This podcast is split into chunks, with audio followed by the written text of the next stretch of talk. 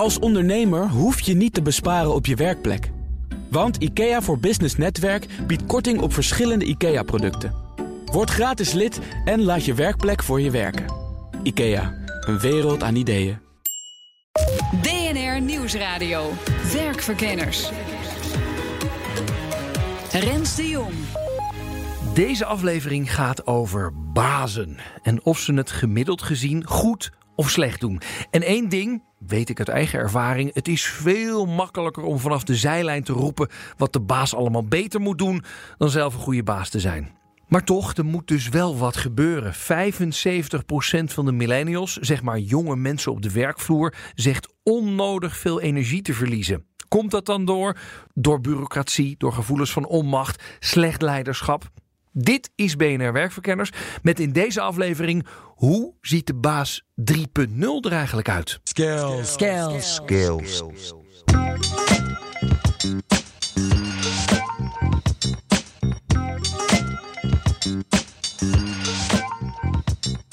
Ja, millennials willen graag meer invloed op hoe ze hun werk uitvoeren. Ze willen meer openheid en de vrijheid om alles te kunnen zeggen wat ze denken. Blijkt allemaal uit onderzoek van CareerWise.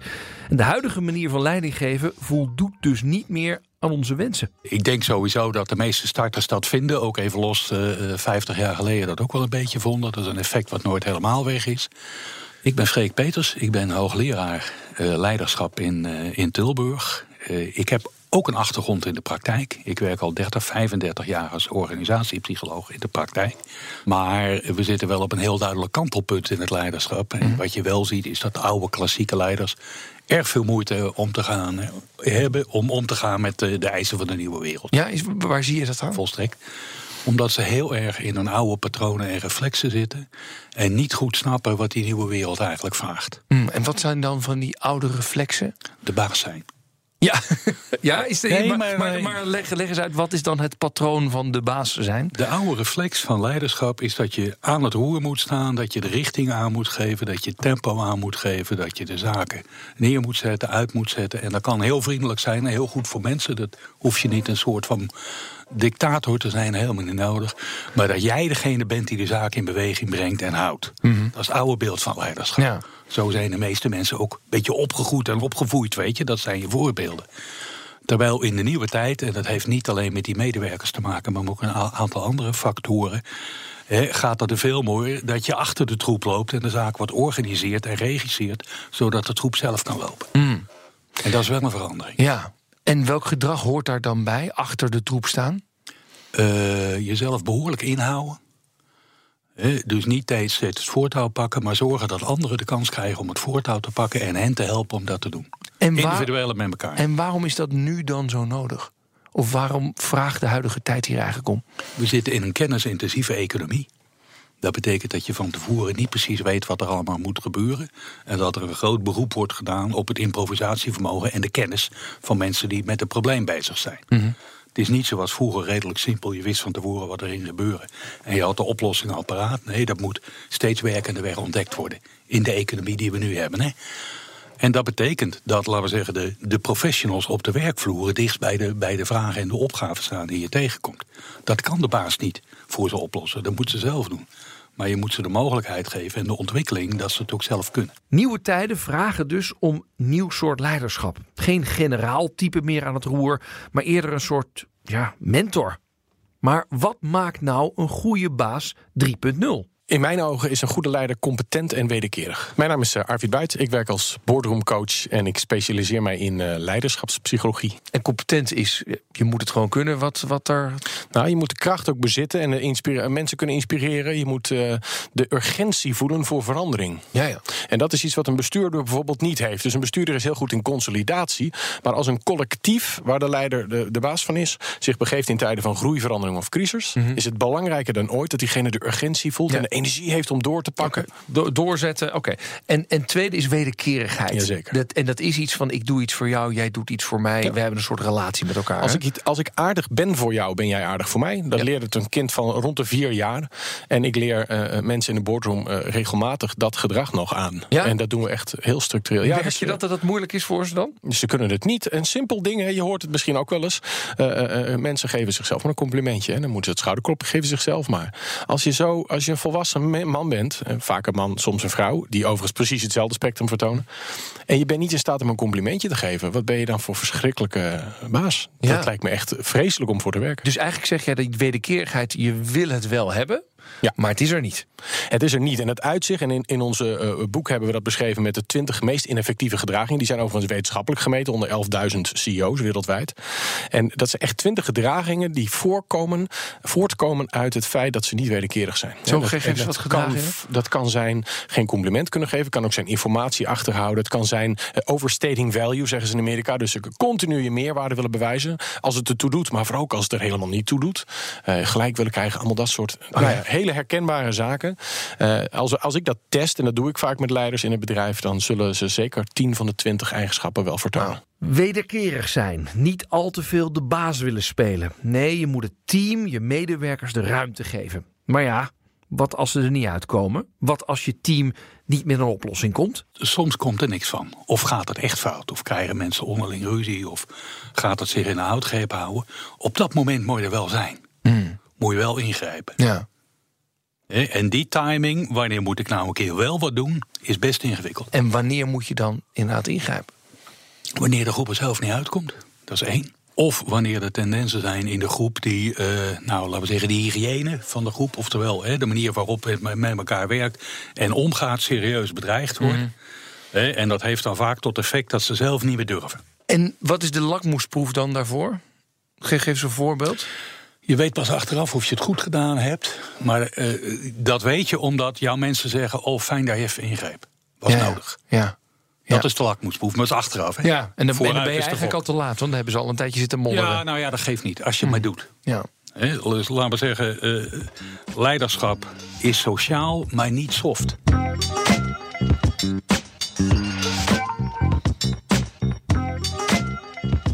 Dan even naar die millennials, hè, waar dit onderzoek over gaat.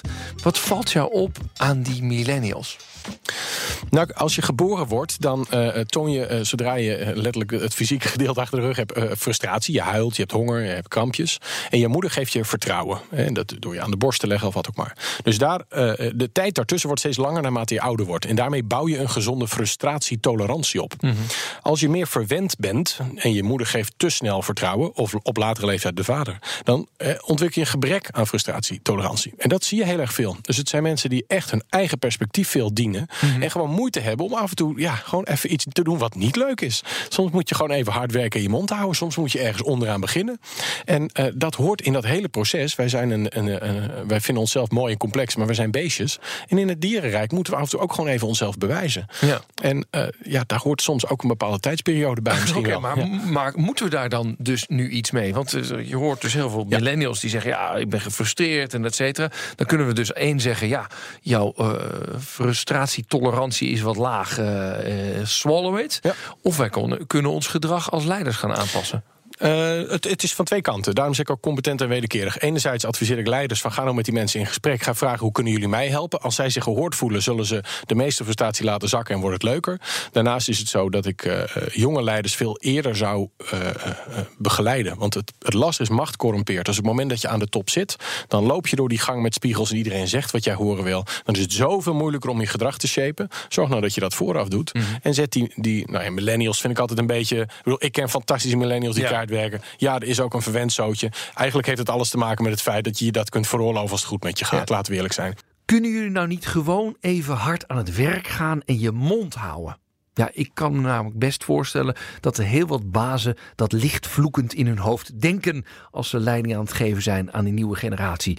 En ook Kilian Wawu snapt dat best een beetje. Hij is docent Human Resource Management aan de Vrije Universiteit in Amsterdam. Ik geef zelf les op een universiteit. Eh, en zie studentenpopulaties ook veranderen. En ik merk dat eh, in het algemeen omgaan met tegenslagen. Dus het accepteren dat sommige dingen gewoon niet leuk zijn. ehm, eh, deze generatie wel wat lastiger afgaat. Waar zou dat toch komen? Nou, dit is speculeren, maar ehm, eh, op het moment dat je iets doet, is het heel prettig als je ervoor beloond wordt. En dat is een beetje mijn onderwerp. hè. Gebied van belonen, word ik nou beloond voor datgene wat ik doe? Eh, en bij veel werk wat je doet, is de vertraging tussen wat je doet en eh, de beloning is soms heel erg groot. Met andere woorden, ehm, als je gewend bent om vrij snel beloond te worden, via bijvoorbeeld internet, eh, en je hoeft maar iets te posten en je krijgt likes. In mijn geval, als je student bent, moet je iets doen waar je soms jaren later pas voor beloond gaat worden. Kortom, ehm, als je het nut niet inziet van wat je doet, levert dat dus heel snel negatieve reacties op. En om het te illustreren, wij merken dus dat vakken die we al een paar jaar op exact dezelfde manier geven, dat de laatste jaren de klachten toenemen. Dus mensen accepteren niet meer dat ze iets doen waarvan ze eigenlijk het nut niet meer inzien. Moeten wij daar als bazen iets mee? Ehm, ja, daar moeten we zeker iets mee. Dus een van de ehm, dingen die wel goed zou zijn, en dat is iets wat eh, veel millennials eh, misschien ook te weinig te horen hebben gekregen, is het, het stellen van een wat lager verwachtingspatroon. Ehm, ik heb eh, vorige week een, een gastcollege gehad van iemand die had zich bezig met happy holics. Oftewel, hoe maak ik het werk leuk? Eh, en ik ben het helemaal eens met de gedachte, werk moet leuk zijn. Maar iemand moet je ook vertellen dat werk soms gewoon niet leuk is. Dus wat moeten we ermee? We moeten eh, eerlijk zijn in het stellen van een verwachtingspatroon. Ik denk dat, dat, dat daar wel wat te winnen valt. Ehm, en daarnaast wel serieus toekomen aan de problemen die veel millennials ervaren op de werkvloer. Namelijk, hoe zorgen we dat het minder bureaucratisch wordt? eh, dat we meer feedback geven? Dat, eh, eh, ja, dat werk intrinsiek leuker wordt? Dat is wel een serieus probleem. BNR Nieuwsradio. BNR Werkverkenners. Deze uitzending gaat over bazen. Dus als je er een bent, blijf dan zeker luisteren. Heb je er eentje die nog wat coaching kan gebruiken, wijs hem of haar dan subtiel op deze podcast. Dan heb je er allebei wat aan. Ja, want we gaan het hebben over een nieuwe generatie en die vraagt om nieuw leiderschap. En de huidige generatie millennials heeft nogal wat te klagen over hun baas. Uit onderzoek blijkt dat driekwart van de millennials last heeft van slecht leiderschap. En dat roept de vraag op: is er een correlatie tussen leeftijd en leiderschapsstijl? En het antwoord is: ja, die is er. Freek Peters, hoogleraar leiderschap aan de Tilburg University. Ik denk dat de generatie van 50 en 60 jaar echt geschoold is in de manier van eh, leiding geven. Doe je vanuit hiërarchie en vakkennis. En dat doe je op zo'n manier de zaak zo te laten lopen als jij vindt dat dat moet. Je hebt een stuk vertrouwen gekregen en dat, nou, daarvoor, en die verantwoordelijkheid. En daarvoor doe je. Ik denk dat ze zo zijn opgevoed. Ik denk dat de generatie daarna meer is opgegroeid in een tijdperk van meer veranderingen. Zo'n beetje jaren 70 en 80 van de vorige eeuw. Dat er grootscheepse veranderingen kwamen. En dat die oude instituties allemaal op hun grondvesten zaten te schudden. Als Philips en zo. En dat die eh, eh, meer zoiets hadden van eh, er is beweging en ik moet vooraan staan. Ik moet de richting aangeven. Ik moet visie neerzetten. Ik moet heel erg inspirerend zijn. En de nieuwe generatie leiders, de dertigers, zijn ongelooflijk aan het zoeken, merk ik. Want die krijgen nog die denkbeelden van die twee voorgaande generaties. En die krijgen een opleiding, die denkbeelden, ook nog mee. Alsof ze nog waar zijn, weet je. Dus ze worden gevoed met ouderwetse kennis voor een nieuwe toekomst. En ze zijn heel erg aan het... Want hun gevoel zegt wat anders. Hun gevoel past wel van... hé, hey, ik moet vooral ruimte laten aan mijn mensen... en wel hè, eh, eh, de kaderlijnen aangeven... maar ze ook stimuleren om het zelf te doen. Maar af en toe dan denken ze... ja, maar dan doe ik het verkeerd, dan ben ik geen echte baas.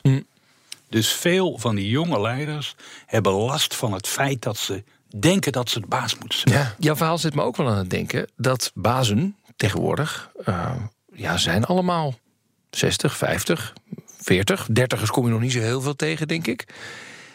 Ja. Is het altijd in, in, in, in steen gebeiteld wat je leiderschapsstijl is? Eh, nee, even, even, twee dingen over zeggen. Ten eerste zijn er veel minder bazen dan vroeger. Oh. Als je vroeger naar organisatiestructuren kreeg, dan had je afdelingshoofden, bureauhoofden, plaatsvervangend bureauhoofden, sectorhoofden, weet ik veel wat. Dus laten we zeggen, die, die structuur is verdund en dat is maar goed ook. Maar dat betekent dat je minder leidinggevende functies hebt. Het tweede is, als je, eenmaal, als je eenmaal een stijl hebt geleerd en aangewend, wordt hij wel een soort van automatisme, een soort reflex. Uh, ik zie en ik merk dat mensen best wat nieuws kunnen leren, als ze er enig talent voor hebben. Hè. Maar dat het eigenlijk het afleren van het oude nog moeilijker is dan het aanleren van het nieuwe. Dus ze zijn gewoon historisch belast. Het is, het is, uh, Klopt, het is zijn altijd historisch met, belast. echt met een handicap werken bijna. Ja, ja. Ze moeten zichzelf echt dwingen om hun oude patronen niet de, de dominant te laten zijn. Ja, en ze krijgen uit heel verschillende invloeden, eh, kanten krijgen ze verschillende adviezen. En dan weet je begot niet meer hoe je het dan wel moet doen. Of we het nou willen of niet, we zijn dus historisch belast. Onze kijk op leiderschap is geworteld in het verleden. En dat levert problemen op, zeker als een nieuwe generatie zich aandient en verandering eist. Arvid Buit is executive coach. Hij ziet in de praktijk vaak leiders die maar op één manier kunnen communiceren. Nou, je kunt je dat voorstellen dat eh, als mensen vragen: Hey Rens, wie ben jij eigenlijk? Dan heb je snel de neiging te zeggen: Nou, dit is wie ik echt ben. Ja. Maar feitelijk hebben wij in verschillende omgevingen verschillende rollen. Eh, persona is Latijn voor masker. Hè, dus eh, dat is het oorspronkelijke woord ervan. Eigenlijk zijn het allemaal maskers en er is niet één van onszelf. Nou, de scripts die wij draaien hebben wij geleerd. En, en als jij bijvoorbeeld geleerd hebt om in tijden van stress een heel heftig script aan te zetten, het Alpha Wolf script, dan Ja. ben jij prima in staat als het bootje bijna zinkt om te zeggen: jongens, peddelen die kant op, hup, zeilen, of zoiets. Eh, iets, iets met het redden van die boot. en eh, als jij eh, bij je kinderen zit s'avonds, ben jij prima om het script van de lieve vader aan te zetten. Maar er zijn in mijn vak een hoop mensen die een aantal scripts helemaal niet draaien. Bijvoorbeeld het script van de wederkerigheid. Waardoor ja. jij een sterke leider bent, maar in tijden van rust ook gewoon nog steeds een eikel die niet tijd maakt om even te vragen hoe het met je gaat. En dat is heel raar. Dat voelen wij ook als raar als mens. Zo. Maar, maar is dat dan het probleem dat leiders eigenlijk maar één dominant soort script hebben? Ja, doorgaans doen ze één script draaien. Hè, eh, eh, typisch, 75-25 is de verhouding. Mannen eh, primair het alfawolf-script en vrouwen primair het bestuurderscript. En wat is dat voor een. eh, Het bestuurderscript blinkt juist uit in wederkerigheid, maar heeft weer het gebrek, en dat is een, een cultureel eh, kwestie met name, maar ook een hormonale kwestie, minder het hard met vuist op tafel slaan of keihard willen beslissen. Hè. Die, nogmaals, één op de vier vrouwen doet dat wel degelijk, maar is daarbij net zo narcistisch als de mannen die dat doen. Dus, dus wat we eigenlijk doen is kennis laten maken met elkaar script en ze daarin begeleiden en, en laten ontwikkelen. Skills. Skills. Skills.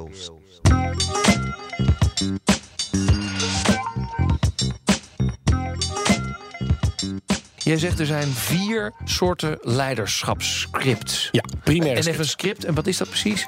Een script is eigenlijk een pakket van gedragingen die jij vertoont. Hè. Wij werken op gedragsniveau. Dus je hebt die alpha-wolf die blinkt uit in sensitiviteit. Heel gevoelig, extreem gevoelig. Vaak door een kwetsing overigens. Maar daardoor zijn ze goed in staat om te zeggen die kant moeten we op. De bestuurder die blinkt uit in redelijkheid. Dus die is heel erg goed in staat om zich te verbinden met mensen. Die mensen ook een goed gevoel te geven. De manager is heel erg flexibel. Dus in staat om te zeggen, er moet nu iets gebeuren. Moet ik nu koffie zetten, spaghetti maken, zeg het maar. Ik ga het, ho- ik ga het eh, hosselen of regelen.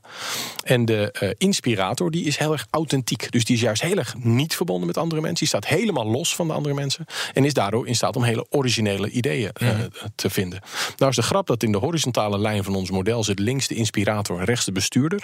En dat is de weg van de redelijkheid. En vroeger, Plato had het over de wagenmenner. Hè. We hebben eh, eh, twee paarden. Eén is een heftig paard en één is een, is een wederkerig paard. Zo zou je het kunnen zien. En wat we moeten leren in redelijkheid is om die te mennen. We moeten ze allebei de kanten hebben. En we moeten ze leren mennen. En dat is eigenlijk wat we doen met bestuurders. Ja, en ja. En waarom, waarom hebben we maar één dominant script dan? Dat is een primair script. Dat is iets wat, wat jou tot op dit moment in, in je leven het best gediend heeft. Ja. Dus als jij komt uit een achtergrond van verwaarlozing, dan heb jij een heel primair script ontwikkeld. wat jou heeft gediend om te overleven. De nieuwe baas moet dus op verschillende schaakborden kunnen schaken. Meerdere, zoals Arvid het noemt, scripts kunnen draaien. Maar hoe kijkt hoogleraar Peters dan naar de baas anno 2019? Welke competenties moet hij dan hebben? Die ene is sociaal, sociabel, maar niet soft. Dat is een hele belangrijke. Het tweede is dat iemand een heel breed begripsvermogen moet hebben. Echt een brede blik en daarbij ook een open mind, zoals wij dat noemen. Dus niet te snel een oordeel hebben, zo moet het. Oude bazen hebben heel snel een oordeel over zo moet het. Of dat is goed en dat is fout. En dan gaat gelijk het luik dicht, want dat zien ze alleen dan. Hè. Dus die, omdat de wereld ingewikkelder en diverser is geworden... moet ook je blikveld die, die complexiteit en die diversiteit aankunnen. Dat is een tweede. En een derde, eh, een, een baas moet een beetje praktisch zijn en niet te perfectionistisch. omdat dingen op verschillende manieren kunnen. En omdat in de huidige ingewikkelde wereld het lang niet altijd zo kan zoals men vindt dat het moet. Hè, er is gewoon de aantal invloedsfactoren te groot voor. Dus je moet af en toe wel een beetje rommelen. Je moet wat pragmatisch zijn. Eh, dus als je een hele sterke opinie en, en, en, en intern systeem hebt over de dingen moeten alleen op die manier, dan maak je het jezelf heel moeilijk. Ja, het klinkt allemaal hartstikke makkelijk hè. Je moet als baasje heel wat aanpassen, wederkerig zijn, social, soft en toch hard op het juiste moment. En dan ook nog constant feedback geven. Het is me allemaal wat. Het klinkt misschien ook een beetje veel niet? Maar volgens Kilian Wawu, docent Human Resources Management aan de Vrije Universiteit van Amsterdam, is dat niet waar. Maar als je het omdraait, is veel leidinggevenden hebben het gevoel dat ze zelf een baan hebben en daarnaast moeten leiding geven. En ehm, wat je vaak ziet is dat specialisten dan de baas worden en dan ben je een goede specialist uh, armer en een slechte leidinggevende rijker. Uh, leiding geven, met andere woorden, is wel echt aandacht voor je mensen. Ehm, en, en, managers moeten dat realiseren en gaan managen. Hm. Het belangrijkste managementadvies, het beste wat ik ooit gehad heb, is gooi nou eens al die managementboeken de deur uit en, en, ga nou gewoon eens met je mensen praten over wat je van ze verwacht en hoe ze dat op dit moment doen. Dus ik denk niet dat jongere mensen het, het erkenning nodig hebben, maar ze, ze moeten wel, er moet wel met elkaar gesproken worden over zijn we nog wel goed bezig. Ja. Uh, en werk is aan het veranderen. Hè? Dus uh, uh, je, je kunt niet meer zeggen het proces van vandaag is over een maand ook nog geldig. De, wereld verandert doorlopend en steeds sneller. En dat, dat vereist ook steeds meer onderlinge aansturing.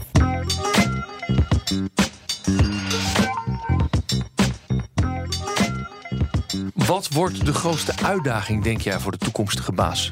Voor de baas is de, zijn de uitdagingen allemaal hetzelfde. Het lastige voor de huidige structuur is hoe komen we in een leiderschapscultuur waar we het gaan hebben over gedrag in plaats van over kennis. Want alle leiders worden opgeleid op INSEAD en Nijrode en hebben prachtige papiertjes en die hebben tonnen besteed aan kennis.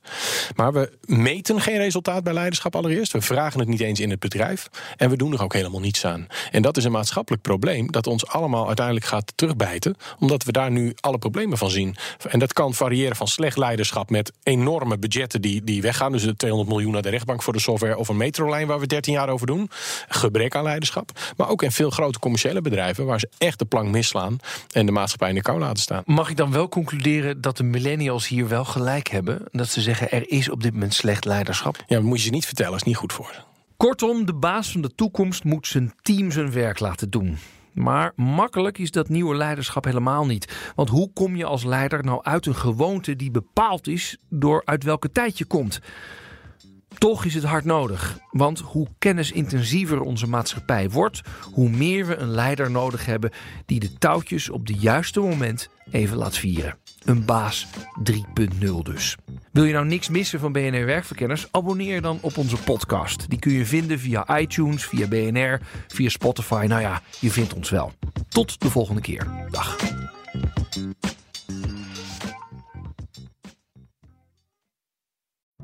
Als ondernemer hoef je niet te besparen op je werkplek.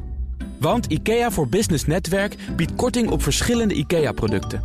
Word gratis lid en laat je werkplek voor je werken. IKEA, een wereld aan ideeën.